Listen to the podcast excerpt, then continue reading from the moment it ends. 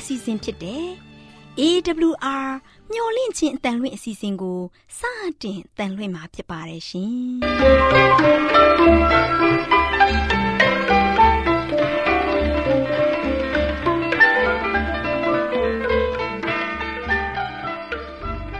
တော်တာရှင်များခင်ဗျာမျော်လင့်ခြင်းအတန်မြန်မာအစီအစဉ်ကိုနက်နက်6နိုင်မိနစ်30မှ9နာရီအထိ16မီတာ kHz 10653ညညပိုင်း9နာရီမှ9နာရီမိနစ်30အထိ16မီတာ kHz 19533ညမှ နေ့စဉ်အတန်လှွင့်ပေးနေပါတယ်ခင်ဗျာ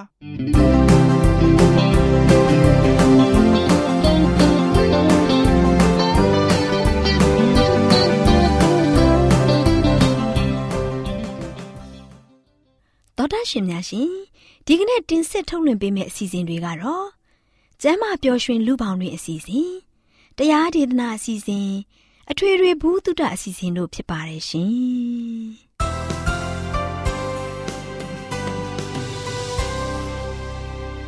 တော်တာရှင်များရှင်အာရောချမ်ပရမန်လာဘန်ကျမ်းမာခြင်းသည်လူသားတိုင်းအတွက်အဓိကအရေးဖြစ်ပါသည်ဒါကြောင့်ကိုရောစိတ်ပါကျမ်းမာစေဖို့ယင်ကျမ်းမာခြင်းတရင်ကောင်းကို တင်ဆက်ပေးလိုက်ပါတယ်ရှင်။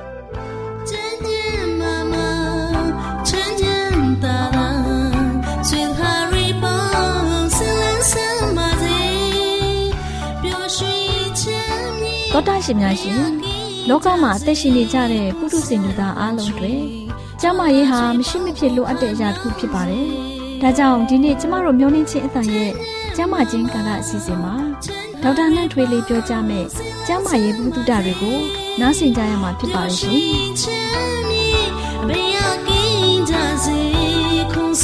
တန်ချွေကြွလာဆွေပေါင်းပေါ်ခညောင်းစီမင်္ဂလာပါရှင်ဒီကနေ့ကျမ်းမာရေးကဏ္ဍမှာအစားအသောက်ဆိုင်ရာစီးမြင်များအကြောင်းကိုတင်ဆက်ချင်ပါတယ်အစာလဲဆေးဆေးလဲအစာဆိုတဲ့စကားရှိပါတယ်ယနေ့ကဘာပေါ်မှာယောဂဗျာ ထူပြောနေရခြင်းရဲ့အကြောင်းရင်းဟာမှားယွင်းစွာ စားတောက်ချခြင်းကြောင့်ဖြစ်ပါတယ်။ယောဂဗျာများရဲ့80ရာခိုင်နှုန်းဟာမှားယွင်းစွာ စားတောက်ခြင်းရဲ့နောက်ဆက်တွဲအကျိုးပဲဖြစ်ပါတယ်။ဒါကြောင့်အစာကိုဘလို့အစာမျိုးသုံးဆောင်တဲ့တယ်လဲဘလောက်သုံးဆောင်တဲ့တယ်လဲဘယ်အချိန်မှာသုံးဆောင်တဲ့တယ်လဲဘလို့အရာမျိုးကိုရှောင်ကျဉ်တဲ့တယ်လဲစသဖြင့်အစားတောက်ဆိုင်ရာစီးမြင်များကို အောက်ပါအတိုင်းပြောပြချင်ပါတယ်။တဘာဝအရသာမပြက် ပြင်ဆင်ချက်ပြုတ်ထားတဲ့ဟင်းသီးဟင်းရွက်များနဲ့တစ်သီးဝလံများကိုအဓိကထားပြီးစားသုံးမယ်ဆိုရင်အကောင်းဆုံးပဲဖြစ်ပါတယ်အစာတစ်မျိုးတည်းကိုသာထက်ခါတလဲလဲစားမနေသင့်ပါဟုဆိုညာပေမဲ့လဲထမင်းစားတဲ့အခါဟင်းအမယ်အမျိုးမျိုးကိုမစားသုံးပါနဲ့ရိုးရိုးအစာကိုရိုးရိုးလေးပဲချက်ပြုတ်စားသုံးတာအကောင်းဆုံးဖြစ်ပါတယ်ဖြူအောင်ဖွတ်ထားတဲ့ဆံများကိုချက်စားမဲ့အစားဆံလုံးညိုသို့မဟုတ်ဆံလုံးဒီကို စားမယ်ဆိုရင်တော့အကောင်းဆုံးပဲဖြစ်ပါတယ်။တကြားအစီအစိတ်စားပရိုတင်းဓာတ်များလွန်းတဲ့အစာများကို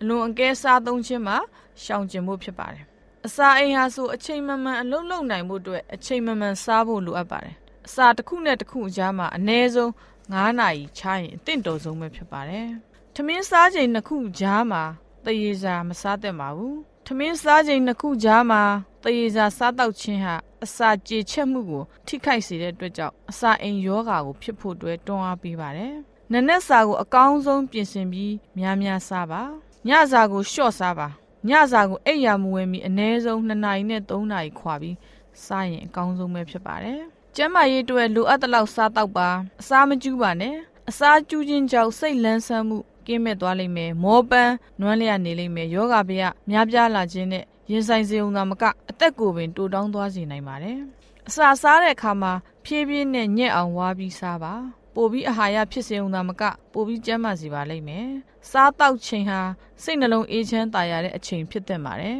။စီးသွားမှန်စေဖို့အတွက်နေ့စဉ်ရေလုံလောက်စွာတောက်ရမှာဖြစ်ပါတယ်။ထမင်းစားချိန်နှစ်ခုအကြားမှာရေကိုပုံမှန်တောက်တင်ပေမဲ့လည်းထမင်း စားစဉ်အချိန်ထမင်းမစားမီကလေးနဲ့စားပြီးကစားအချိန်မှာရေကိုလုံးဝမတောက်ပါနဲ့။ထမင်းမစားမီနိုင်ဝက်နဲ့ထမင်းစားပြီးတနာရီအတွင်းမှာရေကိုလုံးဝမတောက်တာအကောင်းဆုံးပဲဖြစ်ပါတယ်။ထမင်းတနက်မှလေးနက်အထိအခါအားလျော်စွာအစာရှောင်ပါ။အစာရှောင်ခြင်းဟာဂရင်းတောင့်တမှုကိုပညာပေးရာတွင်၎င်းကိုကိုကိုထိန်းချုပ်မှုကိုစမ်းသပ်ရာတွင်၎င်းအထောက်အကူများစွာပြုပါတယ်။ဖျားနာမှုများစွာတို့အတွက်အစာရှောင်ခြင်းကအကောင်းဆုံးကုထုံတစ်ခုဖြစ်ပါတယ်။ ဝန်းကိုကတိကောင်းဖြစ်စေတဲ့အရာများနဲ့အစာမကြေယောဂါကိုဖြစ်ပွားစေတဲ့အောက်ပါအရာများကိုရှောင်ကျဉ်သင့်ပါတယ်။၎င်းတို့ဟာငရုတ်တီအမျိုးမျိုးငရုတ်ကောင်းတဲ့တကွဂျင်းတစ်ကြပိုးအခောက်လင်းညင်းပွင့်နဲ့ဇာရိတ်ပူသည်တရေတရက်အမျိုးမျိုးနဲ့တကွကစော်ပေါက်ထားတဲ့အရေးတွေခြင်ဘတ်အမျိုးမျိုးဒိန်ခဲပဲပုတ်ချင်းရီရှာလကာရီ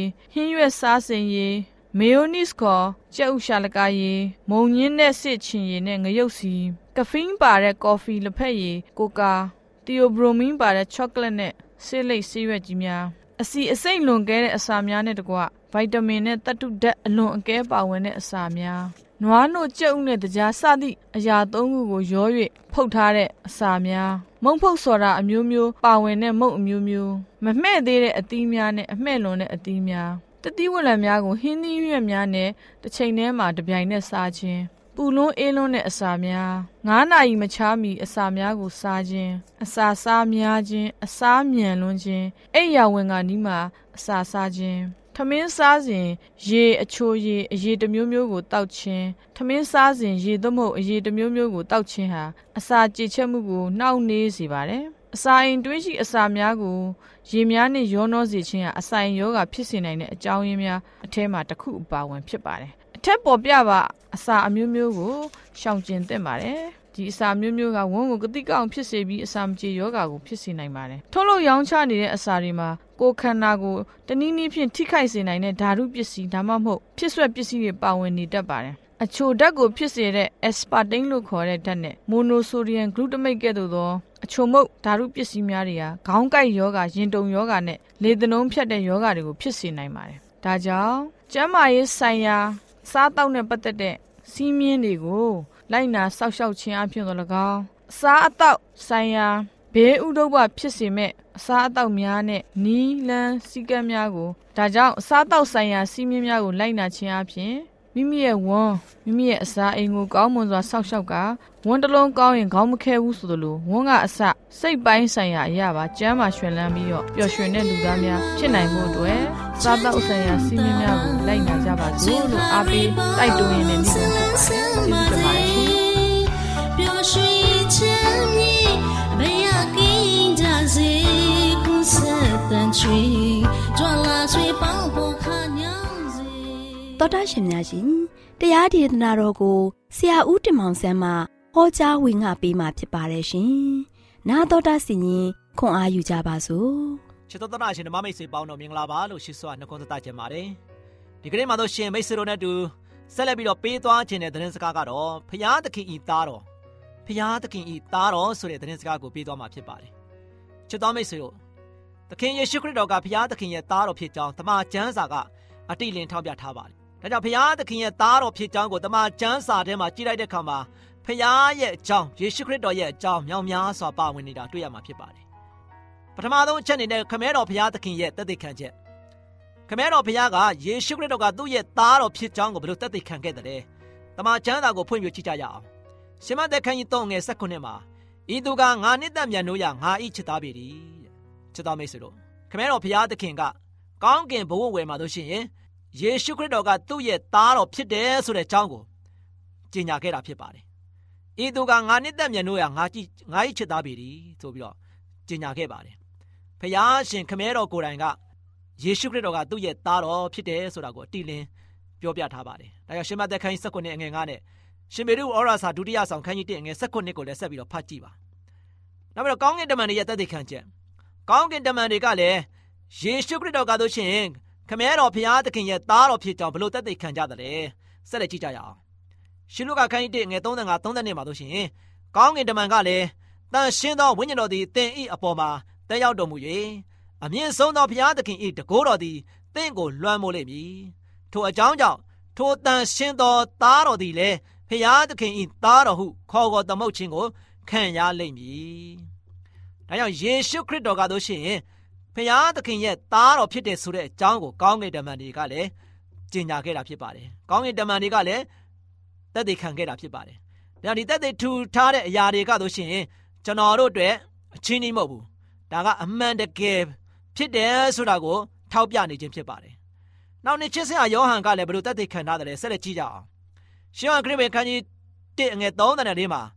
ငါသည်မြင်လျင်ဤသူသည်ဖျားသခင်သားတော်ဖြစ်တော်မူကြောင်း တတ်သိခံသည်။ယောဟန်ကယေရှုခရစ်တော်ကိုမြင်တာနဲ့ပဲဒီလူကဖျားသခင်ရဲ့သားတော်ဖြစ်တယ်ဆိုတာကိုလူအပေါင်းတို့ရှင်းမှာတည်တည်ခံထားတယ်။ဒါကြောင့်ချစ်တော်မိတ်ဆွေတို့ယေရှုခရစ်တော်ကလို့ရှိရင်တကယ်ပဲဖျားရဲ့သားတော်အစစ်မှန်ဖြစ်တယ်။ဖျားရဲ့သားတော်ဖြစ်တဲ့အတွက်ကြောင့်ကျွန်တော်တို့ဖျားရဲ့အစီအစဉ်နဲ့ဒီကမ္ဘာလောကကိုလာရခြင်းဖြစ်ပါတယ်။ဒါကြောင့်ယေရှုခရစ်တော်ကလည်းသူကိုယ်တိုင်ဘယ်လိုတည်တည်ခံထားတယ်ခရစ်တော်ရဲ့တည်တည်ခံချက်ကိုလည်းကျွန်တော်ကြည့်ကြရအောင်။ ရှင်းဟန်ခန်းကြီး၁၉နဲ့ငယ်၁ကနေ2မှာတို့ရှင်ထို့သောမိန်တော်မူပြီးမှယေရှုသည်ကောင်းကင်သို့ကြည့်မျှော်၍အိုးအဖကျွန်ုပ်ချိန်ရောက်ပါပြီကိုတော်ဒီသားတော်လက်သို့အပ်ပေးတော်မူသမျှတို့အားထာဝရသက်ကိုပေးစေခြင်းကလူမျိုးပေါင်းတို့ကိုအစိုးရသောအခွင့်တကိုးကိုသားတော်အားပေးတော်မူသည်နှင့်အညီသားတော်သည်ကိုတော်ဤဘုံကိုထင်ရှားစေမည်အကြောင်းသားတော်ဤဘုံထင်ရှားစေတော်မူပါဆိုပြီးတော့မိန့်တော်မူထားပါတယ်။ဒါကြောင့်ချစ်တော်မိတ်ဆွေတို့ ယေရှုခရစ်တော်ကလည်းမိမိရဲ့ကိုယ်တိုင်ကခမဲတော်ဖခင်ရဲ့သားတော်ဖြစ်တယ်ဆိုတာကိုသူကိုယ်တိုင်ကလည်းအတိလင်းပြောပြထားတာဖြစ်ပါတယ်။ဒါကြောင့်သူကတော့ရှင်ခမဲတော်ဖခင်ကိုသူကမိတီးတာဖြစ်တယ်။ခမဲတော်ဖခင်ထံမှာသူဆူတောင်းတယ်ခမဲတော်ဖခင်နဲ့သူစကားပြောတယ်။သူလုံးမဲ့ရာတွေအားလုံးသူ့ရဲ့အစီအစဉ်မဲ့ရာတွေအားလုံးကိုခမဲတော်ဖခင်နဲ့တိုင်ပင်တယ်။ဒါကြောင့်ခမဲတော်ဖခင်ထံမှာဆိုရှင်သူ့အနေနဲ့ ကိုတော်ဒီသားတော်လက်သို့အပ်ပေးတော်မူသမျှတို့ကိုထာဝရသက်ပေးစေခြင်းကတဲ့နော်။လူအပေါင်းတို့ကိုအုပ်ဆိုးရဖို့လူအပေါင်းတို့ကိုထာဝရသက်ပေးဖို့ရန်အတွက်သူကခမဲတော်ဘုရားထံမှာဆိုရှင်ဘာလို့လဲခမဲတော်ဘုရားထံမှာသားတော်ရဲ့ဘုန်းကိုထင်ရှားစေဖို့တောင်းခံခဲ့တာဖြစ်ပါတယ်။ဒါကြောင့်ချစ်တော်မိတ်ဆွေတို့ဒီနေ့ယေရှုခရစ်တော်ကဆိုရှင်ဘုရားသခင်ရဲ့သားတော်ဖြစ်တယ်။ဘုရားသခင်ရဲ့သားတော်ကဒီကမ္ဘာလောကကိုလာရောက်ပြီးတော့ကျွန်တော်ကျမအားလုံးအတွက်ကယ်တင်ခြင်းအတွက်လာရောက်ခြင်းဖြစ်တယ်။ အဲဒီအတွက်ကြောင့်ဒီနေ့ဒီတက်တဲ့ခံချက်များဟာဆိုရှင်တကယ်အစ်စ်မှန်ဖြစ်ပါတယ်ကျွန်တော်တို့အားလုံးကလို့ရှိရင်ယေရှုခရစ်တော်ကိုယုံကြည်ဖို့ပါပဲဘုရားရဲ့သားတော်ဖြစ်တဲ့ယေရှုခရစ်တော်နောက်ကိုကျွန်တော်လိုက်ဖို့ဖြစ်တယ်ဘုရားရဲ့သားတော်ဖြစ်တဲ့ယေရှုခရစ်တော်ကိုကျွန်တော်ယုံကြည်ကိုးစားပြီးတော့သူ့ရဲ့ကယ်တင်ခြင်းကိုကျွန်တော်အားလုံးကလက်ခံရရှိပြီးသားဖြစ်တဲ့အတွက်ကြောင့်ကျွန်တော်တို့အားလုံးကဘုရားနောက်ကိုလိုက်ပြီးတော့အစင်မပြတ်ဘုရားနဲ့တူမွေးလျော်ကြဖို့ရန်အတွက်အရန်ရည်ကြည့်ပါတယ်။ဒါကြောင့်ယေရှုခရစ်တော်ဘုရားရဲ့သားတော်ကဒီကမ္ဘာလောကကိုလာခဲ့တယ်။ အဲ့ဒါတင့်ရဲ့အတွက်ဖြစ်တယ်ကျွန်တော်အတွက်ဖြစ်တယ်ကမ္ဘာလောကမှာသူကမ္ဘာသားတွေအတွက်ဖြစ်တယ်ဆိုတာကိုသင်သိရှိခြင်းအပြင်ယနေ့မှစပြီးတော့ဘုရားရဲ့ကြီးတော်ကိုချီးမွမ်းပြီးတော့ဘုရားရဲ့ကောင်းမြတ်ခြင်းကိုလက်ခံခြင်းအပြင်သင်ရဲ့တက်တာမှာကယ်တင်ခြင်းလမ်းခီးကိုဆုံးတိုင်အောင်ရှောင်လန်းနိုင်ကြပါစေလို့အားပေးတိုက်တွန်းတဲ့နေကုန်းချုပ်ပါတယ်ချစ်တော်မိတ်ဆွေများအားလုံးပေါ်ဘုရားသခင်ကြွယ်ဝများပြားစွာကောင်းကြီးမလားတလောင်းချပေးပါစေ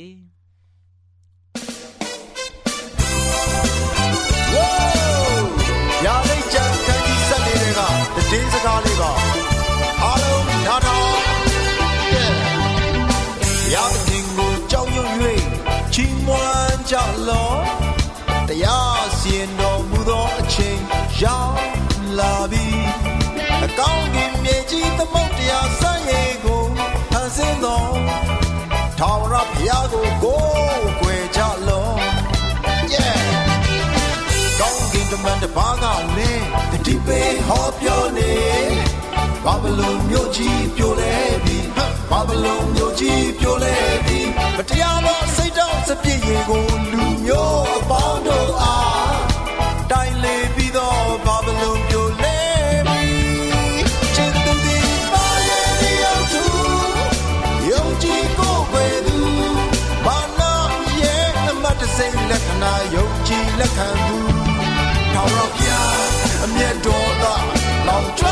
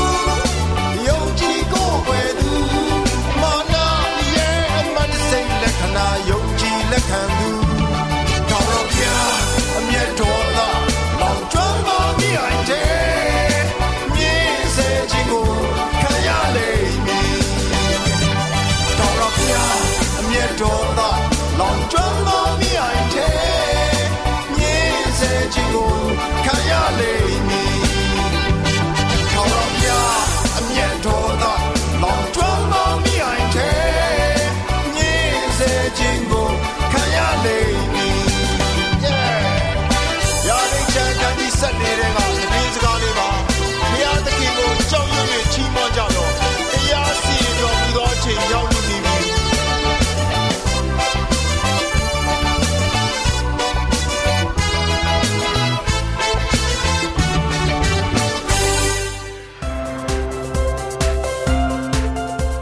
ခြင်းတန်တော်တာရှင်များကိုမင်္ဂလာနေ့ရဲ့အချိန်ကားလေးဖြစ်ပါစေလို့နှုတ်ခွန်းဆက်သလိုက်ပါတယ်တော်တာရှင်များရှင်စကားပြေသာမင်္ဂလာစီစဉ်မှာရိုးသားဖြောင့်မတ်ခြင်းသည် အကောင်းဆုံးဝါဒဆိုတဲ့အကြောင်းကို တင်ပြပေးသွားမှာဖြစ်ပါတယ်တော်တာရှင်အင်တော်မိသားစုဝင်များရှင်ယူသားပြုံးမဲ့ခြင်းဝါဒကိုမိခင်တွေရဲ့အသက်တာလှုပ်ဆောင်မှုတိုင်းမှာအသုံးပြုဖို့လိုအပ်လာပါတယ်။သားသမီးငယ်လေးတွေကို အသေးအဖွဲကိစ္စလေးတွေကအစအမှန်တရားကနေလမ်းလွဲမသွားစေဖို့တွင်တင်ရမှာလေယူသားဖြောင့်မတ်ဖို့ကအရေးပါလာပါတယ်။လေးစားရတဲ့မိသားစုဝင်များတို့မိဘတွေကသားသမီးလေးတွေရဲ့စိတ်နှလုံးမှာနေ့စဉ်ရိုက်နှိပ်ပေးရမယ်အမှန်တရားဆိုင်ရာစံနမူနာများဖြစ်တင်ပါတယ်။အထူးသဖြင့်သူတို့လေးတွေကိုပညာပေးရမှာမတိမ်မဆောင်းတဲ့စီမင်းတစ်ခုကိုမိဘတွေထိန်းချုပ်ထားတင်ပါတယ်။ သူငယ်တော်လဲမိမိပြုသောအမှုသည်စင်သည်မစင်သည်မှန်သည်မမှန်သည်ကိုမိမိအချင်းရာအပြင်ပြ၍မိမိသဘောကိုထင်ရှားစေ၏လို့နှုတ်ကပတ်သမာကျမ်းစာတော်မြတ်ထဲမှာမိန့်တော်မူထားပါတယ်။သောတာရှင်မိသားစုဝင်များတို့သူတို့လေးတွေအနေနဲ့အမေကအမှန်တိုင်းမပြောဘူးအဖေကအမှန်တိုင်းမပြောဘူးဆိုပြီးကလေးတွေအထင်ရှိစေတဲ့ရုပ်အသွင်အပြင်အမှုရာတွေကို မပြကြပါနဲ့ မိဘတွေရဲ့အန္တရာယ်မကင်းတဲ့မှားယွင်းသောအုပ်ချုပ်မှုတွေကြောင့်ကလေးတွေရဲ့ရိုးသားပွင့်လင်းမှုအကျင့်စရိုက်တွေကချို့ယွင်းသွားစေနိုင်ပါတယ်။ဒါကြောင့်မို့လဲကျမတို့မိဘတွေအနေနဲ့မိမိတို့ရဲ့အပြောအဆိုအမှုရာများအားဖြင့်သားသမီးလေးတွေရဲ့ဟန်စာမှုကင်းတဲ့ရိုးသားမှုတွေကိုထိမ့်သိမ့်ပေးသင့်ပါတယ်။လေးစားရတဲ့မိသားစုဝင်များရှင်လိန်ညာမှုနဲ့လှည့်ပြားမှုတွေကို မဖွင့်ပြိုးစေပဲတန်မိုးရှိတဲ့မျိုးစေ့လေးတွေကိုကျေးဖြန့်မိအောင်ကြိုးစားကြရပါမယ်။လေးစားရတဲ့မိဘများတို့ကျမတို့သားသမီးလေးတွေအမလုံးမှုရဲ့အခါမှာလဲစိတ်ရှိရှိထားရပါမယ်သူတို့လေးတွေရဲ့အမားကိုစုံမတဲ့အခါမှာလဲခက်ထန်ကြမ်းတဲ့စကားတွေကို မပြောမိစေဖို့ဖြစ်ပါတယ်။ဒီလိုပြောလိုက်မယ်ဆိုရင်ကလေးငယ်အနေနဲ့အမှန်ကိုပြောဖို့ကြောက်ရွံ့နေပါလိမ့်မယ်။လေးစားရတဲ့မိသားစုဝင်များတို့ခ ရစ်တော်ရဲ့စံနှုန်းအရာဆိုရင်ရိုးသားဖြောင့်မတ်သူတယောက်ဟာအလျှော့မပေးတတ်တဲ့တမာရီနဲ့ပြည့်စုံသူတူဖြစ်ပါတယ်။အကျိုးအမြတ်ရခြင်းနဲ့ဆန္ဒနဲ့အသုံးပြုနေတဲ့မမှန်တဲ့အလေးချိန်ခွင်တွေကဖျားသခင်ရဲ့ရှေ့တော်မောက်မှာဆက်ဆုပ်ယွန်းရှာပွဲဖြစ်ပါတယ်။လေးစားရတဲ့မိသားစုဝင်နဲ့အတူ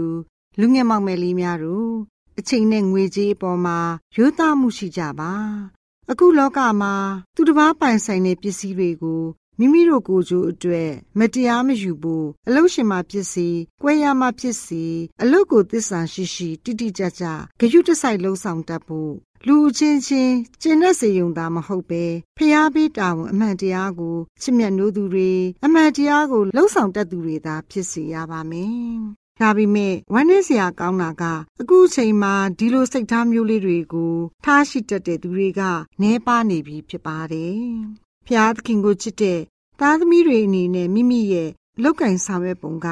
အခြေခံကျတဲ့စီးမြင်တွေနဲ့ကိုင်ညီရပါမယ်။သူ့အနေနဲ့လှုပ်ဝက်ကြံစီမှုတစ်ခုမှမရှိတဲ့အတွက်ဖုံးကွယ်စရာရှင်းလင်းတင်ပြစရာလည်းမရှိပါဘူး။ဒါပေမဲ့ဝေဖန်ခံရကောင်းခံရမှာဖြစ်တယ်လို့အစစ်စေးခံရကောင်းခံရပါလိမ့်မယ်။ဒါပေမဲ့သွေးပြခြင်းမရှိဘဲတမာတိကရွှေစင်အလားတောက်ပါနေပါလိမ့်မယ်။သူပြောတဲ့စကားက အဖို့တိုက်တဲ့စကားဖြစ်တဲ့အတွက်သူနဲ့ဆက်ဆက်တဲ့သူတွေအတွက်သူဟာကောင်းချီးမင်္ဂလာတစ်မျိုးဖြစ်နေပါတယ်မိမိရဲ့အိမ်နီးနားချင်းတွေပေါ်အခွင့်ယူတတ်သူတရားမဟုတ်တဲ့အိမ်နီးချင်းတွေကိုအကျိုးပြုတဲ့မိတ်ဆွေတူဖြစ်ပါတယ်။ဒါကြောင့်သူမိတ်ဆွေတွေကသူ့ရဲ့အကြံပေးချက်ကိုအရေးထားကြပါတယ်။လေးစားရတဲ့မိတ်ဆွေများတို့စစ်မှန်တဲ့ရိုးဖြောက်သူတူဟာသူ့ရဲ့ပတ်စံအိမ်ဖောင်းလာစေဖို့ရန်အတွက်အားနည်းသူတွေနဲ့ အစွန်းစနေပါသူတွေအပေါ်ဘယ်သောအခါမှအမျက်ထုတ်မှာမဟုတ်ပါဘူး။လေးစားရတဲ့မိတ်ဆွေများတို့ရှင်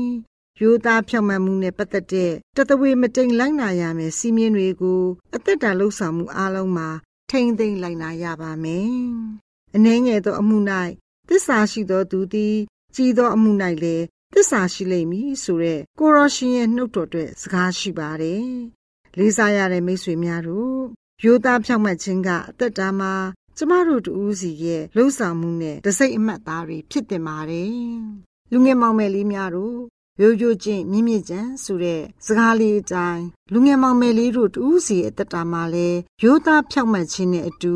မြင့်မြတ်တဲ့ဇာရိတကိုပိုင်ဆိုင်နိုင်ကြပါစေ။ လေးစားရတဲ့မိသားစုဝင်များနဲ့အတူလူငယ်မောင်မယ်လေးတို့တူးစီပေါ်မှာသာရဖျားသခင်ထံတော်မျက်စီမှာကောင်းကြီးမင်္ဂလာများတုံးလောင်းချပေးပါစေလို့ဆုတောင်းပေးလိုက်ရပါတယ်။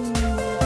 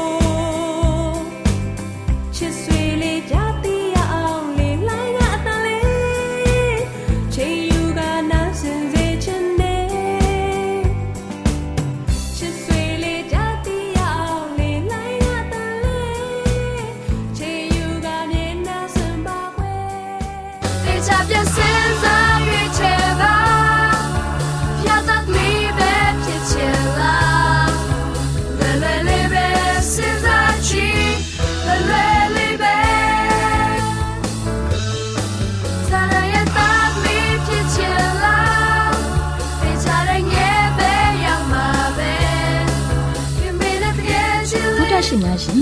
ကျမတို့ရဲ့ဓာတ်တော်စပေးစာယူတင်နန်းဌာနမှာအောက်ပါတင်ဒားများကိုပို့ချပေးလျက်ရှိပါတယ်ရှင်။တင်ဒားများမှာဆိဒ္ဓတုခရှာဖွေခြင်းခရစ်တော်၏အသက်တာနှင့်တုန်တင်ချက်များ